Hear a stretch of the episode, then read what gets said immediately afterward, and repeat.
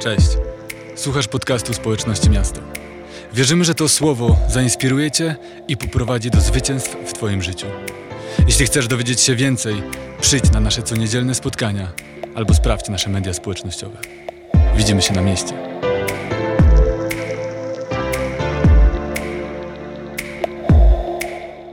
Seria przy wspólnym stole. E, Jesteśmy w trzeciej niedzieli tej serii.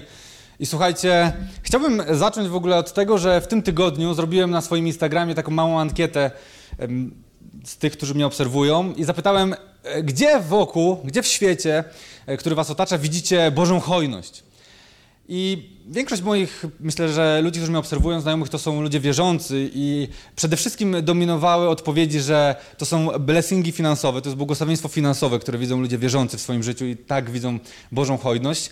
A druga rzecz to relacje, ludzie, którzy ich kochają, których oni kochają i którymi, z którymi budują bliskie więzi i w tym widzą Bożą hojność. To jest perspektywa ludzi wierzących, ale to, co e, chciałbym, żeby było też takim wstępem, bo może myślisz sobie, ok, to są ludzie, którzy mają akurat dobry sezon w swoim życiu, mają blessing finansowy, mają blessing, jeśli chodzi o dobre relacje, ale ja akurat jestem w innym sezonie, to chciałbym zwrócić Twoją uwagę na, na inny aspekt Bożej hojności.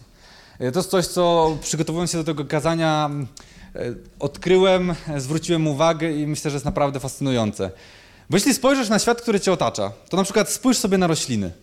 Rośliny, rzadko się zdarza, żeby jakaś roślina wydawała jeden owoc. Może są takie jakieś pojedyncze, ale zasadniczo jak patrzysz na rośliny, które Bóg stworzył, to jak one wydają owoc, to jest cały multum tych owoców, nie? Patrzysz na jabłoń i tam masz po prostu jabłko na jabłku, czereśnia i tam masz tych czereśni full.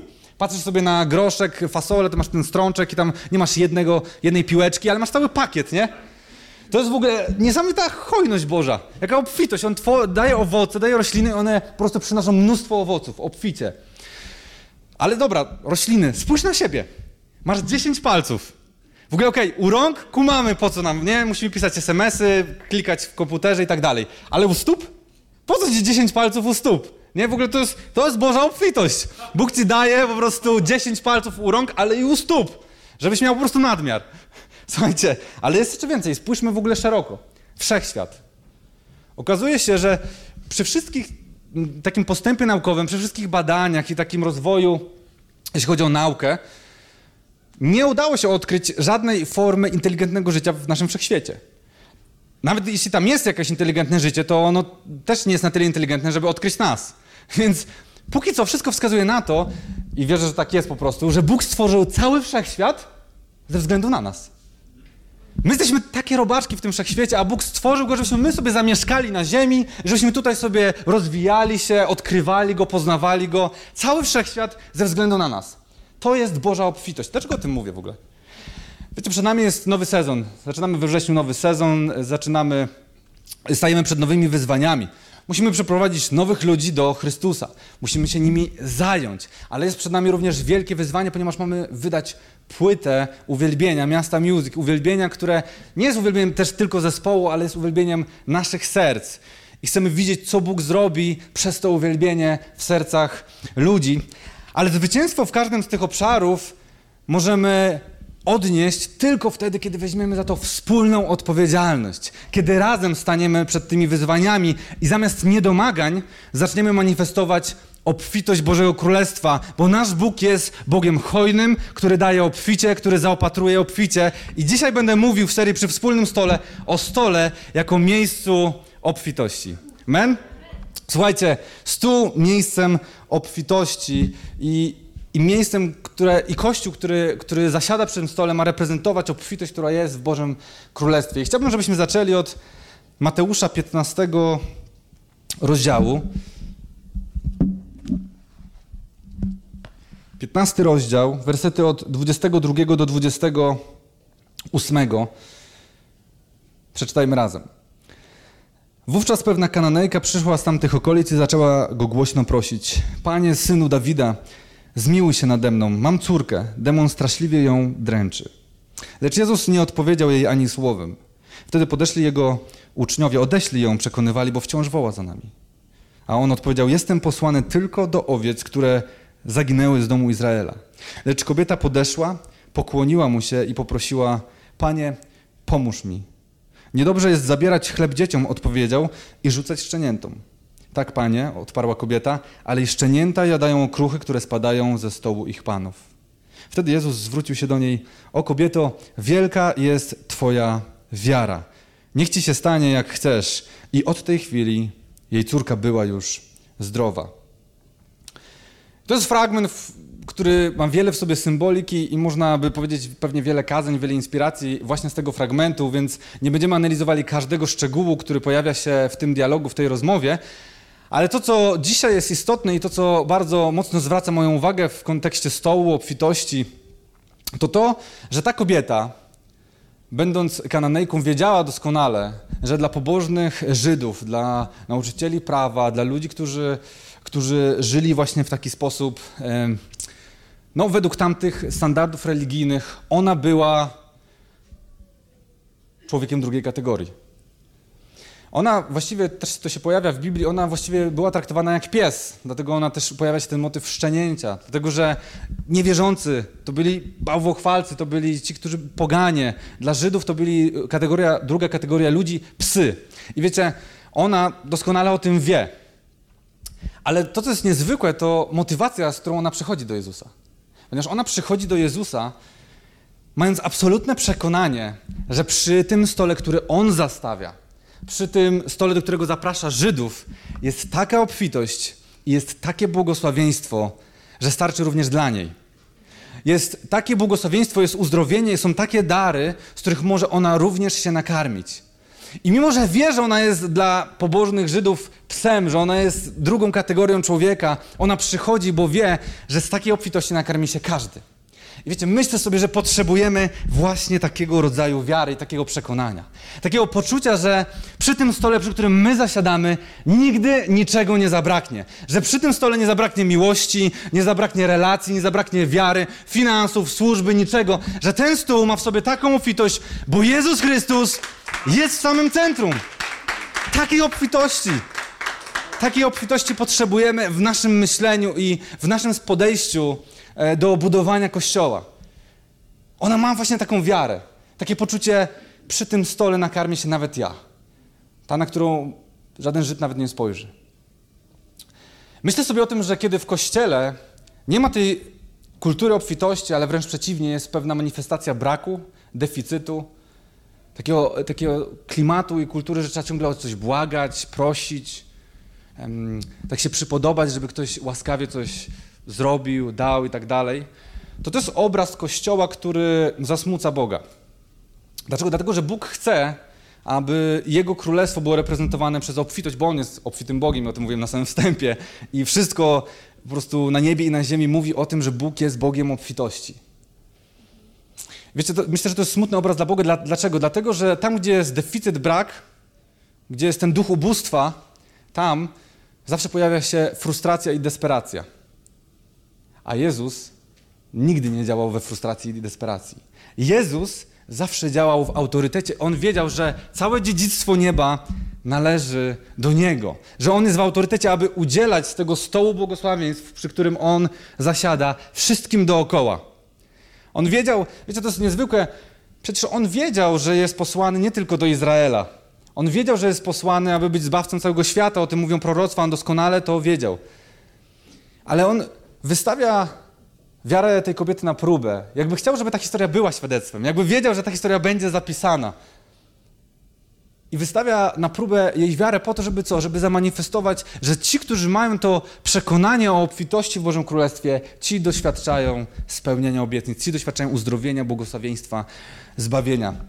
To jest coś niezwykłego. Wiecie, nawet kulturowo jest coś takiego, że jest coś takiego, że w nas jest zakorzenione to, że jeśli jesteśmy gospodarzami, to chcemy, żeby na naszym stole była obfitość. Jak, jak robisz imprezkę, zapraszasz znajomych, to chcesz, żeby na tym stole oni po prostu mogli się nakarmić, żeby było coś pysznego, żeby byli zachwyceni. Jak wystawiasz jakieś, jakieś przyjęcie, organizujesz wesele, no to chcesz, żeby tam było po prostu tyle, ile potrzeba, żeby każdy mógł się najeść, żeby każdy mógł się napić, żeby każdy po prostu był zadowolony. Kiedy nie możesz tego zrobić, to co? Pojawia się frustracja, pojawia się żal, rezygnacja, może nie, w ogóle nie będę nikogo zapraszał, może zrobię skromną spotkanie tylko dla rodziny i tak dalej, i tak dalej. Jest, nie zawsze to jest nasza wina, że nie możemy tego zrobić, ale mimo wszystko, kiedy nie możemy tego zrobić, to jest w nas ta frustracja. Bo to jest tak mocno kulturowo, społecznie zakorzenione, że gospodarz chce, żeby była obfitość na jego stole.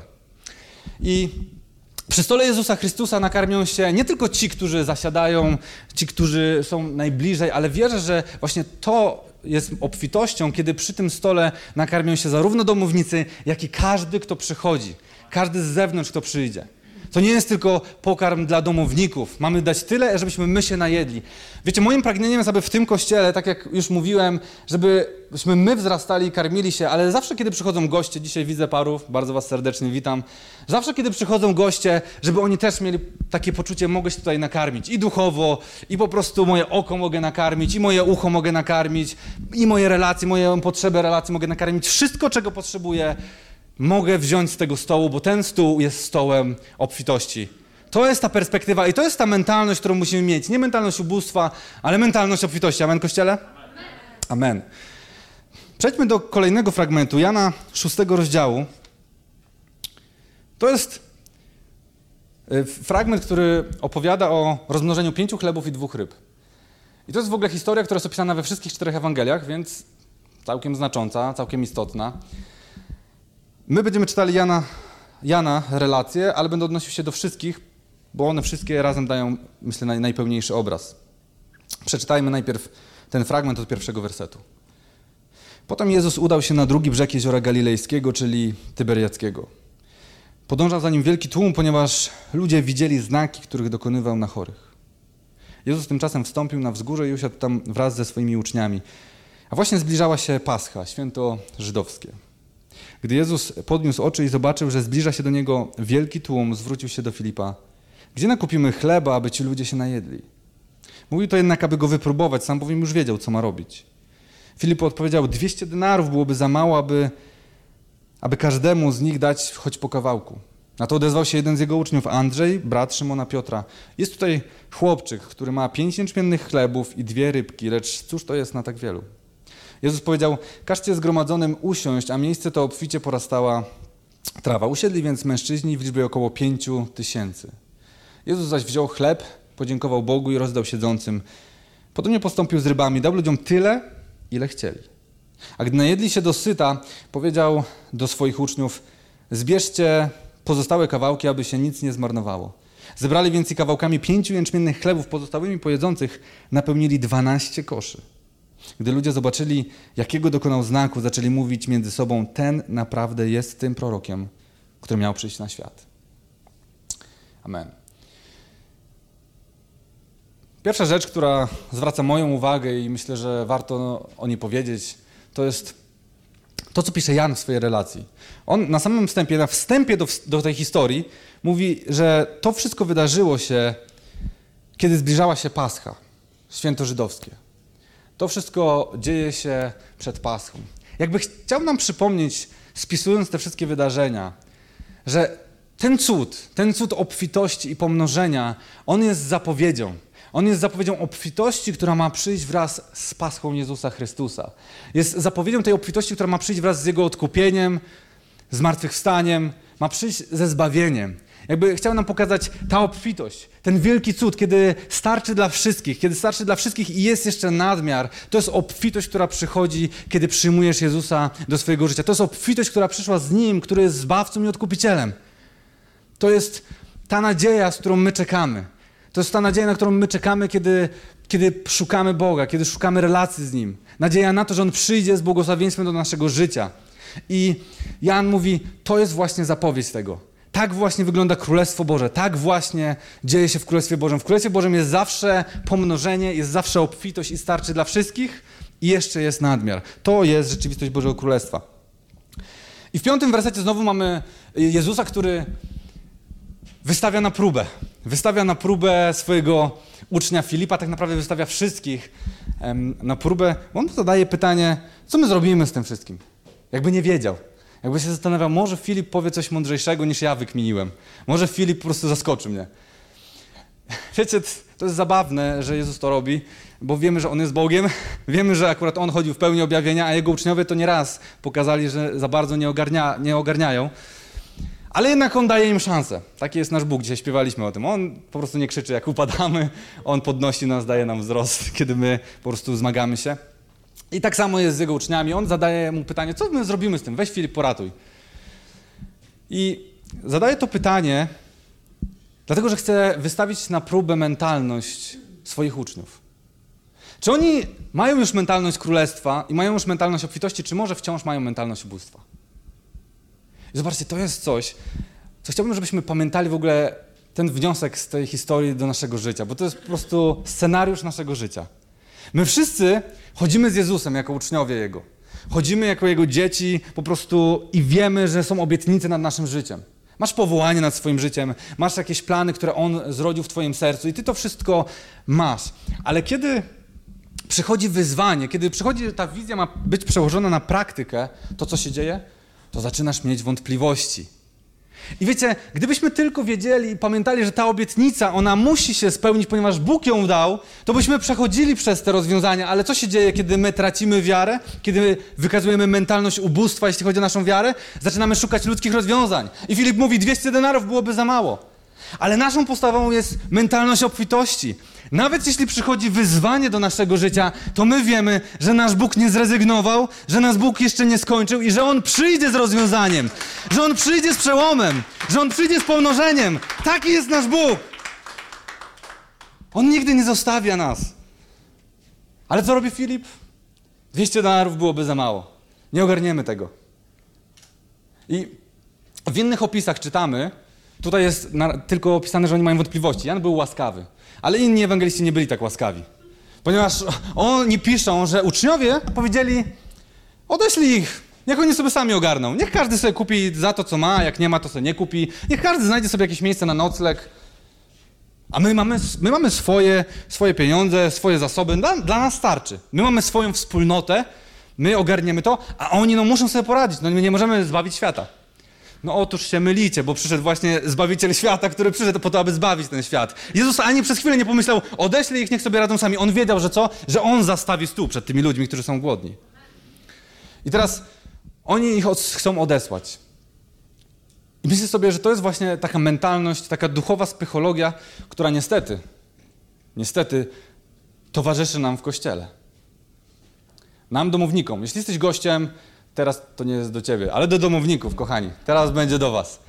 Jak często jest tak, że po prostu mamy ogarnięty nasz kościół, mamy służby, rozwijasz się, masz swojego mentora w kościele, duszpasterza, masz swoją służbę, jesteś może liderem, masz, takie masz swój dom, masz te relacje w kościele, masz takie poczucie, jest dobrze, idę po prostu po swoje, idę po to, co Bóg ma dla mnie. I pojawiają się nowi ludzie w kościele, którzy nie mają takiego doświadczenia, którzy jeszcze zmagają się z jakimiś rzeczami, którzy nie mają relacji, którzy mają jakiś swój bałagan, który przynoszą do kościoła i masz takie poczucie, niech ktoś inny się tym zajmie. Niech inni ludzie, ja już robię tyle w kościele, ja już mam tutaj swoją ekipę, ja mam swoje zaangażowanie, a tam niech ktoś się tym zajmie. Na pewno jest ktoś, kto jeszcze nic nie robi w kościele, niech on się zajmie tymi osobami, które mają swoje zmagania. To jest postawa uczniów. I to jest postawa nasza często. Mamy dobre intencje, no bo przecież my mówimy, my mamy dobre chrześcijańskie życie, które musimy pielęgnować, więc nie możemy mieszać się w jakiś bałagan, który się pojawił w kościele, bo jeszcze ten bałagan przejdzie na nasze życie. No to są uczniowie, którzy właśnie o tym mówią. No nie róbmy tutaj zadymu, mamy tylko pięć chlebów, dwie ryby, mamy tam 200 denarów, no przecież nie nakarmimy ich, no niech oni sobie radzą sami. Wiecie, kiedyś, kiedyś, rok temu mówiłem kazanie na konferencji Exodus i tam mówiłem e, historię z Księgi Estery, gdzie bardzo mocno poruszył mnie fragment, w którym Estera zastanawia się, czy to ona ma pomóc i wybawić Izrael, ma być tą, która uratuje Izrael. I słyszę takie słowa: Jeśli nie ty, to ktoś inny. I wiecie, pomyślałem sobie, wtedy o tym mówiłem i teraz w kontekście dzisiejszego kazania, pomyślałem sobie o tym, że z Bogiem to jest tak, że kiedy On przychodzi i daje tobie szansę, ponieważ pojawia się jakiś człowiek, który się zmaga, który ma bałagan w swoim życiu i przychodzi do kościoła, i ty powiesz, ja nie mogę się tym zająć, bo ja mam swoje sprawy, ja mam swoje zaangażowanie w kościele. To nie jest tak, że Bóg zostawi tę osobę. Bóg po prostu da ten przywilej komuś innemu, aby się zajął tą osobą. Jeśli pojawia się jakaś potrzeba w kościele i Boże, ja już nie mogę, ja już nie, naprawdę się w to nie zaangażuję, bo po prostu ja mam swoje takie sprawy, to nie jest tak, że Bóg powie, no dobra, w sumie masz rację, w sumie to jest bez sensu, rzeczywiście. Nie, po prostu ktoś inny. I myślę sobie o tym, że mamy przed sobą wyzwania w tym sezonie. Nowi ludzie. Mamy też przed sobą wyzwanie płyty uwielbienia. I wiecie, to nie jest tak, że jeśli nie wydamy tej płyty, to Bóg powie, no rzeczywiście, to nie jest czas na płytę.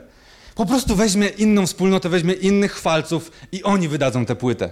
To nie jest tak, że jeśli my się nie zatroszczymy o nowe osoby w Trójmieście, aby poznawały Chrystusa, to Bóg powie, no dobra, ci ludzie nie potrzebują Chrystusa, tylko weźmie inną wspólnotę, aby zajęli się tymi ludźmi. Bóg nie rezygnuje ze swoich planów, bo ty nie jesteś gotowy, bo ty nie jesteś dostępny, bo nie masz czasu w swoim kalendarzu. On jest tym, który ma wizję i ma plan i szuka osób, które będą miały gotowość do tego, żeby wziąć to wyzwanie. I to jest wielki przywilej być w tym miejscu. I teraz Craig Rochelle, który jest jednym z takich bardzo znanych na świecie pastorów i mówców mówiących też o przywództwie, on powiedział kiedyś takie ważne zdanie, że najwięksi przywódcy, oni nie szukają właściwych strategii, ale właściwych ludzi. I myślę sobie o tym, że Bóg właśnie jest największym z przywódców i On szuka właściwych ludzi. Szuka właściwych ludzi, którzy będą gotowi to, zrobić to, co jest Jego marzeniem i Jego planem. I wiecie, za każdym razem, kiedy pojawiają się tutaj nowi ludzie, za każdym razem, kiedy pojawia się jakaś wizja i jakiś plan, który wierzę, że jest od Boga, to nie jest tak, że jeśli my powiemy, trudno, nie robimy tego, odpuszczamy, to Bóg zrezygnuje. Wiecie, zrozumiem też, że to muszę przełożyć to na swoje przywództwo. Że skoro Bóg tak robi, to i ja powinienem być tym, który tak przewodzi. Zrozumiem, że to nie jest tak, że kiedy proszę kogoś i chcę mu dać autorytet do tego, żeby stał się liderem, żeby wziął jakąś odpowiedzialność, i ktoś mówi, nie, nie mam czasu, nie chcę się tym zajmować, to ja mam zrezygnować. Nie, po prostu muszę znaleźć właściwą osobę. Wiecie, myślę sobie o tym, że największym przywilejem jest być właściwą osobą być właściwą osobą. Wiecie, moim marzeniem jest to, że kiedy Bóg przegląda swój kalendarz i mówi, szukam jakiejś właściwej osoby, żeby zrealizować to marzenie w Gdańsku, w Trójmieście i patrzy, patrzy, ale konieczny. On jest właściwą osobą. On jest zawsze dostępny, on jest zawsze gotowy, ale wiecie, mam jeszcze większe marzenie. Mam marzenie, że kiedy Bóg przegląda swój kalendarz z kościołami i patrzy, mm, tu jest taki kościół, tak, jest społeczność miasto. To jest właściwy kościół, żeby zrealizować moje marzenia. To jest właściwy kościół, aby on wyrażał moje serce w tym mieście i w tym kraju. Amen? Amen, kościele? Come on. To jest właściwy kościół. Amen. To jest właściwy kościół.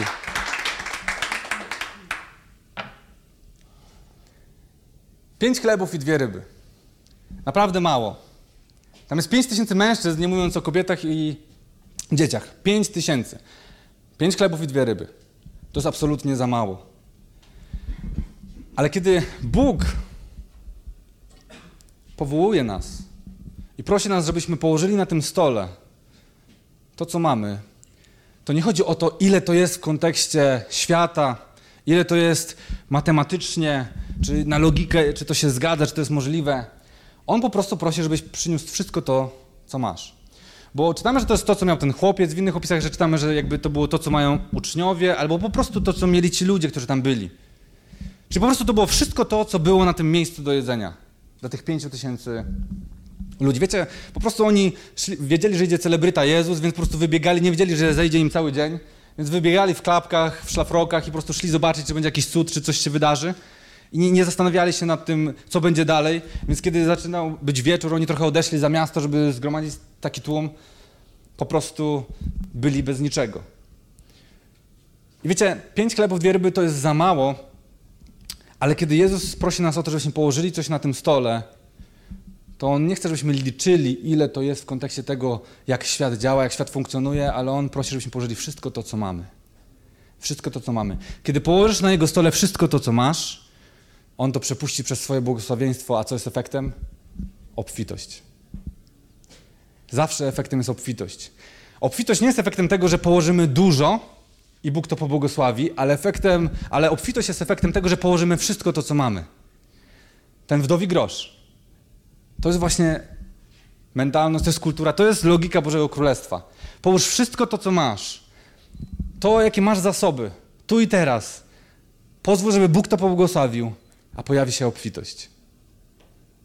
To jest ta zasada i to jest ten sposób myślenia, który powinniśmy mieć.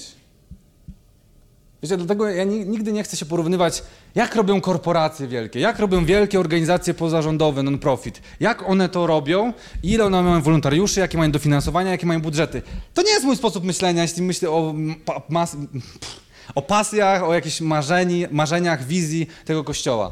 Ja myślę o tym, czy możemy położyć wszystko to, co mamy, Aby Bóg to pobłogosławił i uczynił z tego obfitość. Czy możemy to zrobić?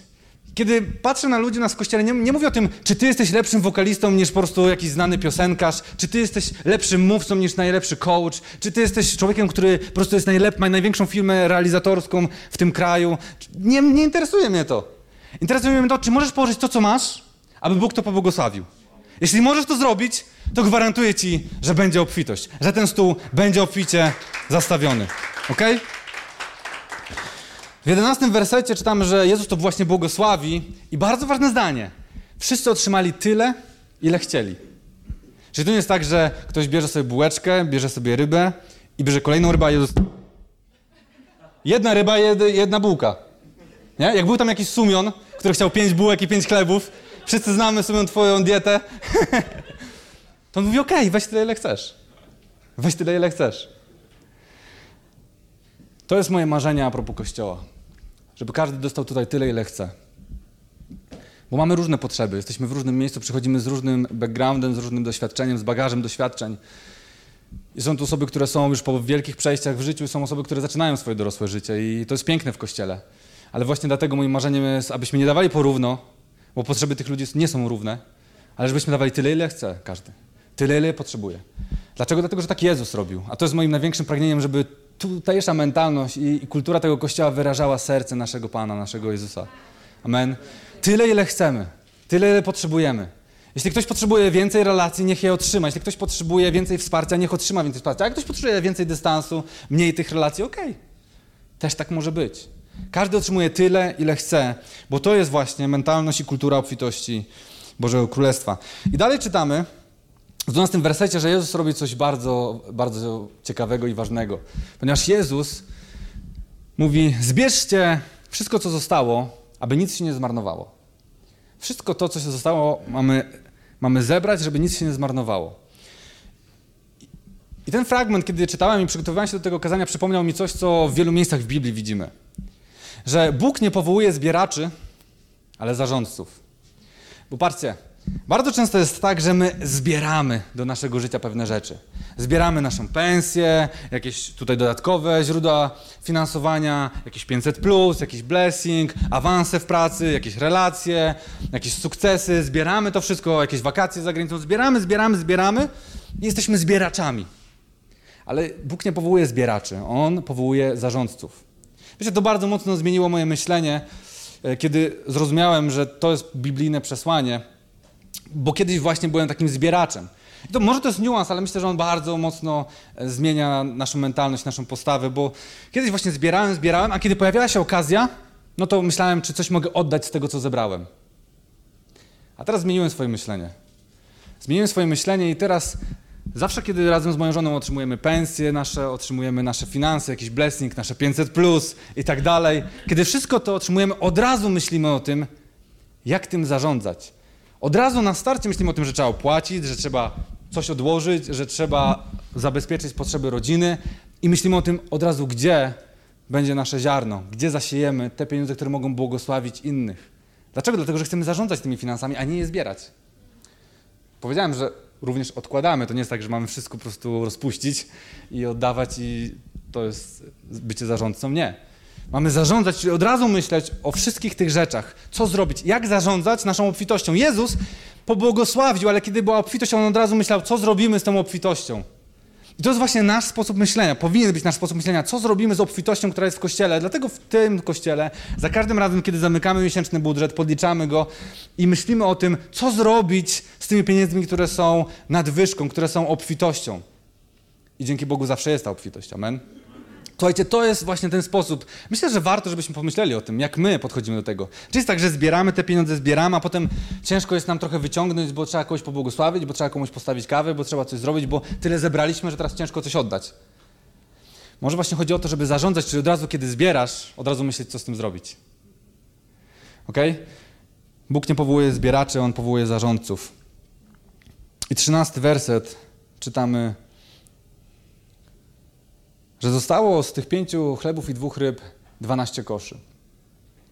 Więcej niż na początku. To było po prostu szaleństwo jakieś. To była po prostu cud. Oni się wszyscy najedli z 10 tysięcy osób i jeszcze zostało 12 koszy. To był tak spektakularny cud, że czytamy, że oni powiedzieli, to jest ten prorok, który miał przyjść na świat. A w następnym wersji czytamy, że oni chcieli obwołać go królem, już on musiał uciekać, bo nie chciał stać się przywódcą politycznym. Ale oni byli po prostu poruszeni, oni byli zadziwieni. To była obfitość, która zadziwia. Obfitość, która zadziwia. I wiecie, myślę sobie o tym, że kiedy my jako Kościół powiemy, chcemy kłaść na ten wspólny stół wszystko to, co mamy, aby Bóg to pobłogosławił i aby uczynił z tego miejsca obfitość, to stworzymy w tym miejscu obfitość, która nie tylko nakarmi nas, ale zadziwi wszystkich dookoła. To będzie obfitość, która sprawi, że będziemy mogli stać się błogosławieństwem dla tego świata. To jest ekscytujące, Kościele. Będziemy mogli być błogosławieństwem. Chciałbyś stać się błogosławieństwem dla świata? Ja bym chciał, ja bym chciał, żeby w tym kościele była obfitość, która zadziwi świat. Więcej, chciałbym, żeby każdy z nas prowadził życie w obfitości, które zadziwi świat. Bo Jezus przyszedł i powiedział: Daję wam życie, ale nie po prostu życie, tylko życie w całej pełni, w całej obfitości. Więc powinniśmy reprezentować w naszym życiu obfitość. Obfitość. I w tym kościele jednym z elementów naszej kultury, czyli tego, jacy jesteśmy, możecie sobie o tym przeczytać na przykład na tych małych em, takich stendach czy etykietkach, cokolwiek na przy kawiarence. Możecie przeczytać sobie, że jednym z elementów naszej kultury jest hojność, jest ta taka mentalność obfitości. Dlatego, że my kochamy dawać ludziom wszystko to, co mamy, aby mogli stać się wszystkim, co Bóg ma dla nich. Wiecie, to jest, to jest moja pasja. Wszystko to, co mam dać ludziom, aby mogli stać się wszystkim tym, do czego Bóg ich powołuje. I chcę ci powiedzieć, wiecie, bardzo satysfakcjonujące jest, kiedy możesz pobłogosławić samego siebie i możesz zobaczyć, jak Bóg ciebie błogosławi, ale chcę ci powiedzieć, że kiedy weźmiesz to, co masz i zasiejesz w życiu innych i zobaczysz, jak to przynosi owoc w życiu innych, to jest satysfakcja, która przewyższa to po prostu stukrotnie. Kiedy widzę, jak błogosławione jest wasze życie, choćby przez to, że mogę głosić, czy mogę kogoś pobłogosławić, mogę kogoś wesprzeć spotkaniem, rozmową i widzę, jak to przynosi owoce, to uwierzcie mi, że po prostu wszystko może się walić, palić, ale ja i tak wiem, że to wszystko ma sens i że to wszystko zmierza w dobrą stronę. Owoc w waszym życiu, w życiu innych ludzi jest tym, co po prostu sprawia, że moje życie, że moje serce śpiewa. I chcę ci powiedzieć, jeśli zrozumiesz to i przyjmiesz to do swojej kultury, to takie, ta, taką pasję i miłość do tego, żeby dawać to, co masz, aby widzieć, jak ludzie stają się wszystkim tym, do czego Bóg ich powołuje, to będziesz człowiekiem, który jest usatysfakcjonowany, który jest szczęśliwy, który jest spełniony. I mamy trzy elementy, trzy elementy, w których chcemy pielęgnować kulturę hojności w tym kościele. Po pierwsze, chcemy być hojni na płaszczyźnie czasu. Wiecie, w świecie, w którym wszystko pędzi, wszyscy są zajęci, czas jest naprawdę wartościową walutą i nieraz z tej sceny padało zdanie czas to pieniądz. Czas to pieniądz. E, Ania dzisiaj mówiła o tym, że tu jest składka czasowa, że, że, że jakby zachęcamy do tej składki czasowej, bo czas to jest pieniądz w dzisiejszych czasach. tak właśnie jest. I wiecie, myślę sobie o tym, że my bardzo często, kiedy mówimy o czasie i kiedy zarządzamy naszym kalendarzem, to bardzo często musimy odmawiać. Mówimy, nie mam czasu. Była cała seria o tym w lutym. Nie mam czasu. Ale chcę powiedzieć, że kiedy nie masz czasu, to wcale nie jest tak, że robisz ważne rzeczy w życiu. W pierwszej kolejności to, co robisz, to reprezentujesz mentalność ubóstwa. Dlaczego? Dlatego, że jesteś ubogi w czas. Brakuje ci czasu, nie masz czasu, jesteś biedny. Zdanie, które bardzo mocno mnie poruszyło, prawdziwie bogaci mają na wszystko czas. Jak to usłyszałem, to powiedziałem, nigdy już nie powiem, nie mam czasu. Nigdy już nie powiem, nie mam czasu, bo ja nie reprezentuję mentalności ubóstwa, ale mentalność obfitości. To jest moja mentalność. Dlatego nie będę mówił, nie mam czasu. Kiedy powiem, nie zrobię tego, to dlatego, że wiem, że w tym czasie mogę zrobić coś bardziej efektywnego, owocnego, a nie dlatego, że nie mam tego czasu. I wiecie, my jesteśmy żebrakami, którzy błagają swój kalendarz o trochę czasu. O to, żeby mieć czas na jakieś spotkanie, na jakieś zaangażowanie, na to, żeby coś zrobić. Ale to jest reprezentowanie mentalności ubóstwa. Ja chcę być człowiekiem, który jest prawdziwie bogaty w czas i mieć na wszystko czas. I myślę, że każdy z nas potrzebuje tego, żeby reprezentować mentalność obfitości, a nie mentalność ubóstwa. I chcę wam powiedzieć, że aby na tym stole, na stole społeczności miasto mogła zamanifestować się obfitość, to każdy z nas musi położyć na tym stole swój czas. I teraz nie wiem ile, I naprawdę nie chcę porównywać, kto ile kładzie, dlaczego i rozliczać z tego. Nie o to chodzi, ale myślę, że każdy z nas powinien włączyć w sobie właśnie tę kulturę hojności i hojnie kłaść czas. Tyle, ile mam, albo nawet trochę więcej, trochę rozciągnąć się po to, żeby położyć na tym stole czas. Dlaczego? Dlatego, że jeśli tego nie zrobimy, to prędzej czy później, jako gospodarze tego miejsca, będziemy zawstydzeni. Dlatego, że będziemy reprezentowali w tym kościele mentalność ubóstwa. Na nic nie ma czasu. Byliśmy kiedyś w takim sezonie w tym kościele, na początku, kiedy było mało ludzi i dużo rzeczy chcieliśmy zrobić i po prostu na nic nie było czasu, e, wszyscy byli zajęci i w pewnym momencie zacząłem, po prostu tak nie może być. Bo my po prostu nic nie robimy. Dlaczego? Dlatego, że od razu wiemy, że nikt nie będzie miał czasu. I ten duch ubóstwa wkradł się, tego czasowego. I musieliśmy to po prostu tępić, rozmawiać, modlić się o to, przełamywać się, rozciągać się. Ale dzisiaj jest inaczej. Dzisiaj wierzę, że jest inaczej, ale chcę, żebyśmy pielęgnowali kulturę hojności w tym kościele również pod względem czasowym, bo wiecie, jeżeli nie przykładasz do czegoś swojego czasu, nie będziesz widział w tym owoców. Jeśli ja jako pastor nie będę angażował się w przygotowanie dobrego słowa, dobrego pokarmu duchowego, w relacje, w mentoring, w duszpasterstwo, to ten kościół nie będzie się rozwijał. Jeśli liderzy nie będą poświęcali swojego czasu na rozwijanie swoich służb i dla ludzi, którzy są w tych służbach, te służby nie będą przynosiły owocu. Jeśli jako wolontariusz w tym kościele, jako członek tego kościoła nie będziesz się angażował swoim czasem, w to, co się tutaj dzieje, to nie będziesz widział swojego rozwoju i rozwoju tego miejsca. Wszyscy, jeśli nie przyłożymy tego czasu do społeczności miasta, to będziemy zawstydzeni jako gospodarze. I to nie jest zasada, którą ja sobie wymyśliłem na potrzeby e, tego kazania, to nie jest jakaś zasada, którą ja wymyśliłem dla miasta, ale to jest zasada, na której jest stworzony ten świat. Tam, gdzie inwestujesz swój czas, tam widzisz owoce. Stąd wziął się, że czas to pieniądz, bo tam, gdzie widzisz owoce, najczęściej ludzie myślą o pieniądzach, że tam zarobią pieniądze, bo w życiu pewnie tak jest. Tam, jeśli angażujesz się w swoją pracę, widzisz z tego owoce, widzisz pieniądze. Jeśli jesteś solidny w swojej pracy, widzisz awans, widzisz rozwój finansowy i tak dalej, i tak dalej. To jest zasada po prostu tak, tego, jak funkcjonuje ten świat. I tak samo jest w Kościele. Więc pierwszą rzeczą, w której chciałbym, abyśmy byli hojni, to czas. Żebyśmy położyli na tym stole, wspólnym stole, nasz czas. Druga rzecz to służba. Bo tylko razem możemy zrealizować misję, którą Bóg daje temu miejscu. Każdy z nas ma pewne talenty, pewne zasoby, pewne możliwości, pewne finanse, e, pewne jakieś możliwości, i tylko razem, jeśli będziemy funkcjonowali razem, będziemy mogli osiągnąć cel, który Bóg daje temu miejscu. Tylko wtedy. W inny sposób nie da się tego zrobić. I teraz, dlaczego mówię o, o, o tym wspólnym działaniu? Bo to jest tak jak z ciałem. Jeśli wszystkie narządy współdziałają, funkcjonują, to możemy zmierzać tam, gdzie głowa chce, żebyśmy zmierzali. I dokładnie tak samo jest w Kościele. I o tym mówi wiele fragmentów, że wtedy, kiedy współdziałamy, wtedy, kiedy współdziałają wszystkie narządy, wszystkie organy w ciele, w Kościele, to możemy iść tam, gdzie chce głowa, czyli Jezus Chrystus. I chcę wam powiedzieć, to nie jest tak, że marzenia tego kościoła i wizję tego kościoła i jakby rozwój tego kościoła może zrealizować jedna osoba, ja mogę zrealizować, albo może zrealizować jakiś lider, jakiś inny pastor, ktokolwiek z nas w pojedynkę. Nikt nie może tego zrobić sam, tylko razem. Tylko razem, jako jedno ciało. Kiedy jeden z organów nie funkcjonuje w Twoim ciele, to wszystkie cierpią, całe ciało cierpi. Tak właśnie jest. I zobaczcie, w Biblii w 12 rozdziale pierwszego listu do Koryntian Paweł pisze cały rozdział o tym, ale przeczytamy fragmenty po to, żeby nie musieć czytać całego rozdziału. Rzecz ma się tak jak z ciałem. Jest jedno, lecz członków ma wiele.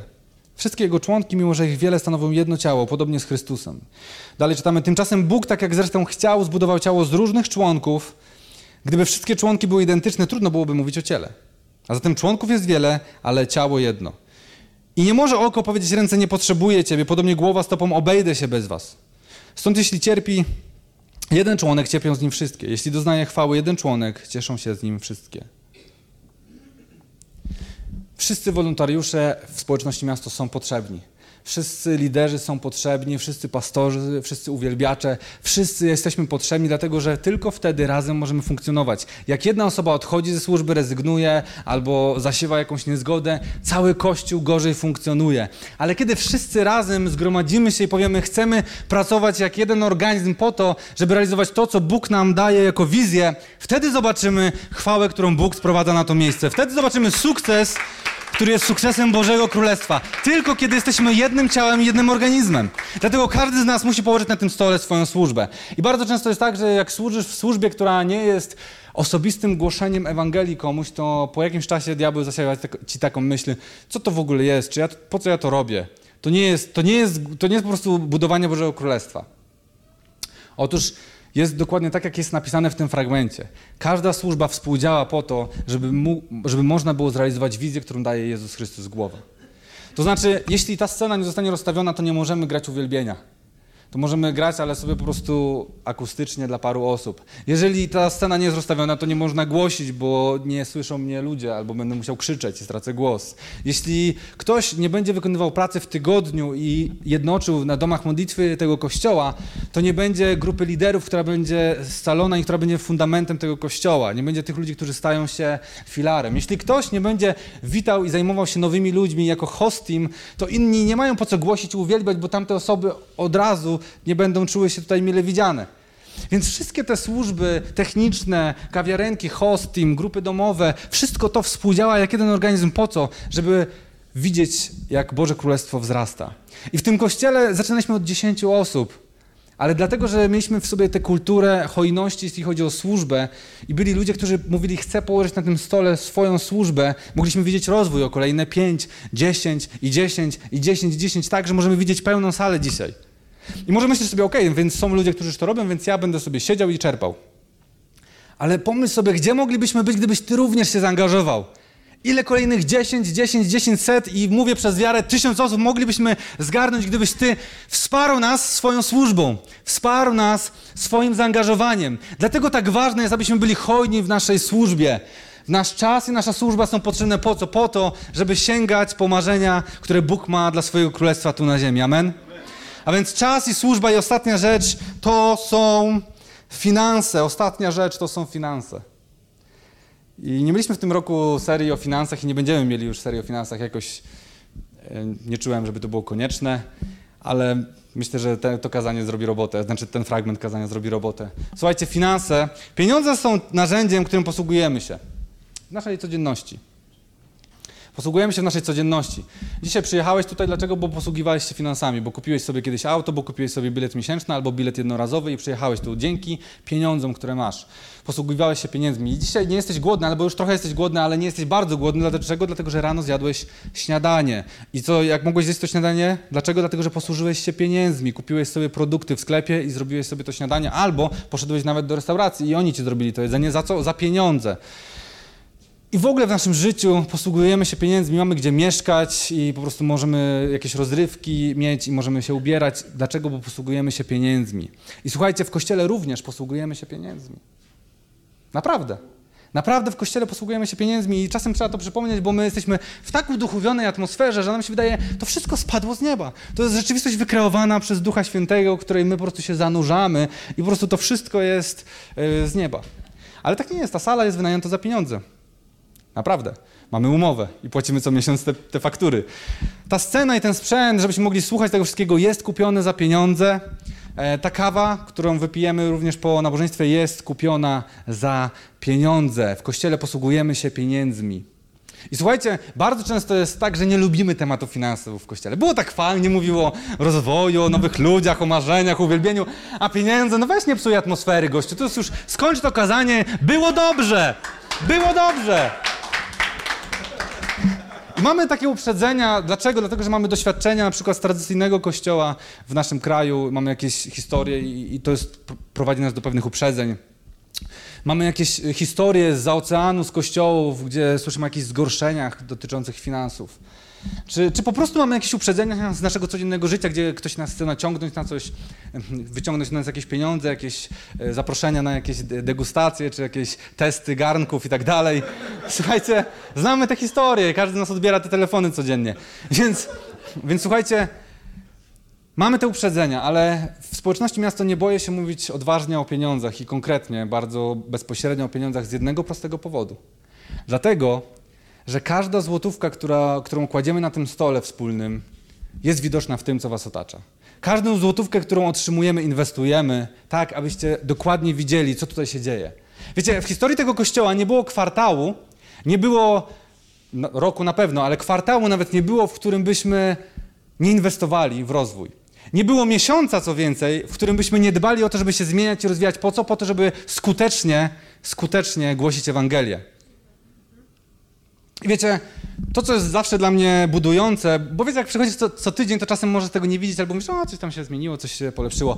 Ale bardzo lubię, kiedy ludzie przyjeżdżają do nas co roku, na przykład przyjeżdżają na wakacje nad morze i odwiedzają nasz kościół i tak pojawiają się na przykład co roku. I za każdym razem, kiedy przyjeżdżają do miasta na to niedzielne nabożeństwo, to są pod wielkim wrażeniem tego, jak się zmieniliśmy, jak się rozwijamy, jak podnosimy jakość Mówią o tym, jak jesteśmy widoczni w mediach, jak pracujemy ciężko na to, żeby w mediach robić dobrą robotę i dzielić się tym, co się tutaj dzieje. Są pod wrażeniem, mieliśmy historię, że ktoś wyjechał na Erasmusa, wrócił po tym Erasmusie i po prostu myślał, że jest w innym kościele. Dlaczego? Bo tak się rozwijamy, bo inwestujemy każdą złotówkę w to, żeby forma, która nie jest najważniejsza, była bramą prowadzącą do treści, która jest niezmienna, jest nią Ewangelia. To jest właśnie to, co robimy w tym kościele. Więcej, dzisiaj mam taką historię, ponieważ Maciek y, przyjechał po swojej robocie, e, którą mają w chałupach i całym sezonie, wcześniej była pandemia, więc przyjechał po iluś tam miesiącach i co mówi? Pierwsze co mówi, ale tutaj jest rozwój, ale się zmieniają rzeczy, ale światła, scena. I co, bardzo się z tego cieszę. Dlaczego? Dlatego, że, dlatego, że to znaczy, że widać, na co idą pieniądze, które kładziemy na tym wspólnym stole. Wiecie, każdy z nas chętnie z tego korzysta. Chętnie z tego korzystamy, że budujemy kościół, w którym wiemy, że nie będzie przypału, że możemy zaprosić tu znajomych, że możemy zaprosić tutaj rodzinę i że jest szansa, że ta forma nie odstraszy ich, ale zaprosi ich do treści, czyli do Ewangelii. I korzystamy z tego, dlatego również chcę z wami rozmawiać odważnie i tak zdecydowanie o tym dokładaniu do tego stołu. Dlatego, że wierzę, że wtedy, kiedy będziemy razem przy tym wspólnym stole kłaść, to, co mamy, nasze finanse, to będziemy budowali obfitość, która nie tylko pozwoli nam się karmić, ale zadziwi wszystkich dookoła. I będzie mógł się nakarmić każdy, kto tutaj przyjdzie. Dlatego, że w tym, na tym stole będzie obfitość. I dlatego chcę zachęcić Cię do dwóch rzeczy. I powiem o nich wprost, po prostu. Pierwsza rzecz, chciałbym zachęcić Cię, żebyś regularnie wspierał tę społeczność swoją dziesięciną. Chciałbym, żebyś wspierał swoją dziesięciną. To jest Boża zasada. To jest Boża zasada, która nie z Biblii. Będziemy czytali wersy, który mówi o tym bardzo konkretnie. I chcę cię zachęcić do tego, dlatego że to pozwoli w tym kościele regularnie się rozwijać. To pozwoli tworzyć budżet, dzięki któremu będziemy mogli planować kolejne, kolejne inwestycje, a nie żyć z miesiąca na miesiąc. To jest właśnie zasada dziesięciny, która ma sprawić, że w kościele jest obfitość, która pozwala planować i rozwijać systematycznie działania kościoła i chrześcijan w tej lokalnej wspólnocie. Na tym to wszystko polega. I chcę Cię zachęcić do tego, za chwilę będziemy czytali też o tym, co słowo na ten temat mówi, ale chcę Cię zachęcić też do drugiej rzeczy. I powiem oni tak samo odważnie. Chcę Cię zachęcić, żebyś poza tym, że regularnie będziesz wspierał to miejsce, żebyś z tych 90%, które Bóg daje Tobie i zostawia Tobie, każdemu z nas, żebyś wziął ziarno. Żebyś wziął jakieś ziarno. Żebyś pomodlił się i wziął ziarno, czyli coś ekstra, co zasiejesz. Dziesięciny nie zasiewamy, dziesięciny oddajemy, z powrotem Bogu, bo On nas błogosławi 100%, my dajemy 10%, oddajemy Mu, a 90% zostawiamy sobie. Ale to, co bierzemy z tych 90, to jest zawsze ziarno. I chciałbym, mamy w tym roku, tak jak w zeszłym niedzielę błogosławieństw, za dwa tygodnie, szczególną kolektę. I mamy w tym roku również szczególny cel. Tym celem jest wydanie płyty uwielbienia. 25 tysięcy, które musimy zebrać po to, żeby można zrobić to jak należy. Żeby to nie było nagranie na dyktafon, które wrzucimy na Spotify'a, ale żeby to było nagranie płyty z prawdziwego zdarzenia, które naprawdę poruszy serca. I nie będzie, o znowu chrześcijanie wydali jakiś przypał, ale będzie, wow, to robi robotę. I wiecie, mam, mam takie pragnienie, chcę was zachęcić do tego, żebyście pomyśleli o tym ziarnie, o czymś ekstra. I za dwa tygodnie, kiedy będziemy mieli tę niedzielę błogosławieństwa, żebyście mogli położyć na tym stole to ziarno i zasiać. Dlaczego? Dlatego, że wierzymy, że to przyniesie owoc i że to przyniesie obfitość, której nakarmimy się nie tylko my, ale wszyscy wokół. Amen? To są to, są, to jest moje konkretne, konkretna zachęta i chciałbym, żebyśmy przeczytali Malachiasza 3 rozdział 10 do 11 wersetu. Przynieście do spichrza całą dziesięcinę, aby był zapas w moim domu i w ten sposób wystawcie mnie na próbę, mówi Pan zastępów. Przekonajcie się, czy wam nie otworzę okien nieba i czy nie wyleję na was błogosławieństwa nadmiary.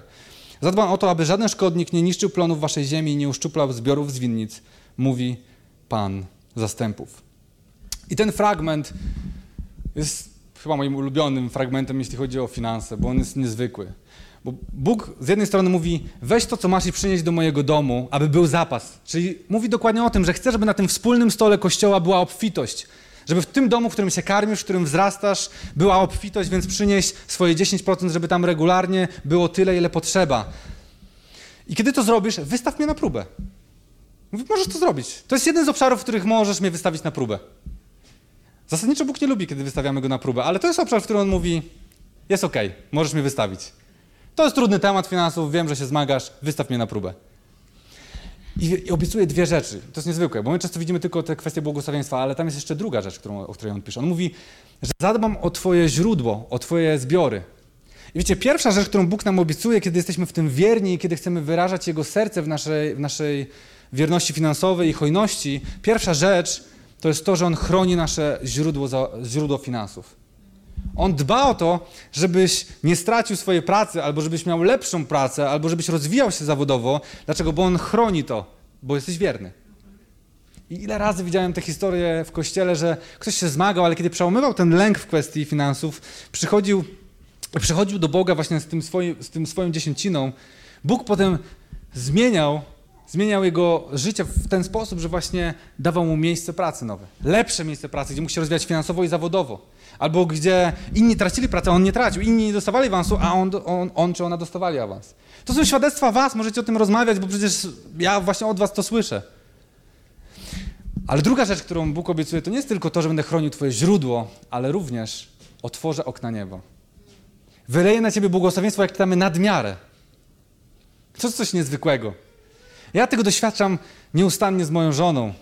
Wiecie, my chcemy zarówno być wierni w dziesięciny, to jest oczywiste, ale chcemy być również hojni, ponieważ nasz Bóg jest hojny, więc po prostu cały czas chcemy siać ziarno i chcemy zasiewać, chcemy, aby ludzie byli błogosławieni, aby Kościół był błogosławiony, aby różne służby były błogosławione. I wiecie, za każdym razem widzimy, jak Bóg odpowiada i przychodzi z błogosławieństwem, niezwykłym błogosławieństwem do naszego życia. I, i kiedyś jakby zafascynowani literaturą, świadectwami, pomyśleliśmy sobie, chcemy być bardziej hojni niż Bóg, więc zrobimy taką hojność, która będzie nawet nieprzemyślana, taka nierozważna, po prostu zaszalejemy, bo po prostu tak bardzo chcemy naśladować Boga, który jest hojny ekstrawagancko. Widzicie, co zrobiliśmy, ale co zrobił Bóg? Bóg pobłogosławił nas jeszcze bardziej i sprawił, że nasze serca po prostu były złamane i zobaczyliśmy, że nigdy nie możemy być bardziej hojni niż Bóg. I choćbyśmy nawet zaszaleli, nawet po prostu oddali wszystko, co mamy, Bóg i tak będzie bardziej hojny dla nas w naszym życiu. To jest doświadczenie mojego życia, mojego Pauliny, naszej rodziny. Bóg jest zawsze bardziej hojny niż my. I chcecie powiedzieć, że tak będzie również w Twoim życiu. I wiecie, już wystarczająco długo to głoszę i, i widzę to w życiu ludzi, żeby mówić o tym odważnie. Bo to jeszcze nie było, nigdy nie było tak, żeby to się nie sprawdziło. Wręcz przeciwnie, widzę, że, że często ludzie zmagają się, dlatego że po prostu żyją w tym lęku cały czas. Nie potrafią uwolnić się i zaufać Bogu. Więc trzy obszary, w których chcę, abyśmy byli hojni: czas, służba i finanse. I wierzę, że będziemy widzieli obfitość na tym wspólnym stole. Będziemy kończyć. Łukasza 17 rozdział, 7 do 10 wersetu. Czytamy. Kto z was, mając sługę zajętego przy orce lub wypasie, powie mu, gdy ten wróci z pola, wejdź i zaraz siadaj do stołu. Czy raczej nie rozkaże, przygotuj coś na kolację, przepasz się fartuchem i usługuj mi, aż się najem i napije, a potem ty możesz zjeść i wypić. Czy jest wdzięczny słudze za spełnienie poleceń? Tak i wy, gdy wykonacie wszystko, co wam polecono, mówcie, jesteśmy marnymi sługami, wykonaliśmy to, co było naszą powinnością. Ten fragment, wbrew e, temu, co na pierwszy rzut ucha po prostu słyszymy, nie jest o tym, jak mamy traktować ludzi w służbie, ani nie, mamy, nie jest o tym, jak my mamy siebie uniżać w służbie i mówić, że jesteśmy bezwartościowi w służbie. Nie, nie, nie. Ten fragment oczywiście, oczywiście odnosi się do czasów, kiedy niewolnictwo i służba były na porządku dziennym, ale tam jest pewna prawda duchowa, która jest uniwersalna. Ten fragment ma nam przypominać o tym, jak ważny jest, jak niezwykle ważne jest to, aby nieść Bożą obecność. Jakim wielkim to jest przywilejem. Jakim wielkim darem jest to, że możemy być tymi, którzy służą Jego Królestwu i razem budujemy obfitość tego Królestwa. To jest wielki dar i to jest wielki przywilej, że możemy właśnie to robić razem, że możemy kłaść razem na ten wspólny stół. Ten fragment jest o przywileju bycia sługą. Jana 3,16. Jeden z najbardziej znanych fragmentów Ewangelii w ogóle. On mówi: Bóg bowiem tak ukochał świat, że dał swego jedynego syna, aby każdy, kto w niego wierzy, nie zginął, ale miał życie wieczne. Bóg jest miłością i to wiemy, ale Bóg, który jest miłością, to nie jest jakaś idea, jakieś motto, jakaś taka duchowa teoria, ale czytamy, że Bóg, który jest miłością, tak ukochał świat, że dał swego syna. Bóg kocha i jest miłością, więc co zrobił? Więc dał swego syna. Aby każdy, kto w niego wierzy, nie zginął, ale miał życie wieczne. Aby każdy, kto w niego wierzy, mógł otrzymać tyle, ile potrzebuje. Aby każdy, kto w niego wierzy, widział tę obfitość w swoim życiu i w kościele, który budujemy. To jest obfitość, którą nasz Bóg chce nam dać. Amen? I wierzę, że kultura hojności w tym kościele to nie będą tylko piękne słowa, że będziemy hojni, że to jest fajne być hojnym, ale że to będzie praktyka, bo chcemy być jak nasz Bóg. Chcemy, aby miłość wyrażała się w dawaniu. Dlatego wierzę, że będziemy hojni w naszym czasie, w naszej służbie i w naszej miłości, i w naszych finansach. Po to, aby w tym kościele każdy mógł się nakarmić, każdy mógł wzrastać, każdy mógł znaleźć schronienie, kiedy tego potrzebuje, każdy mógł znaleźć miłość, której potrzebuje i wolność, której potrzebuje, więc razem módlmy się o to, aby być takim kościołem. Amen? Panie, modlę się o to, aby ten kościół był kościołem obfitości, aby ten kościół był kościołem, w którym nigdy niczego nie zabraknie, aby ludziom w tym kościele niczego nie zabrakło, a obfitość, która będzie tutaj, zadziwiła ten świat. W imieniu Jezusa Chrystusa powiedzmy Amen.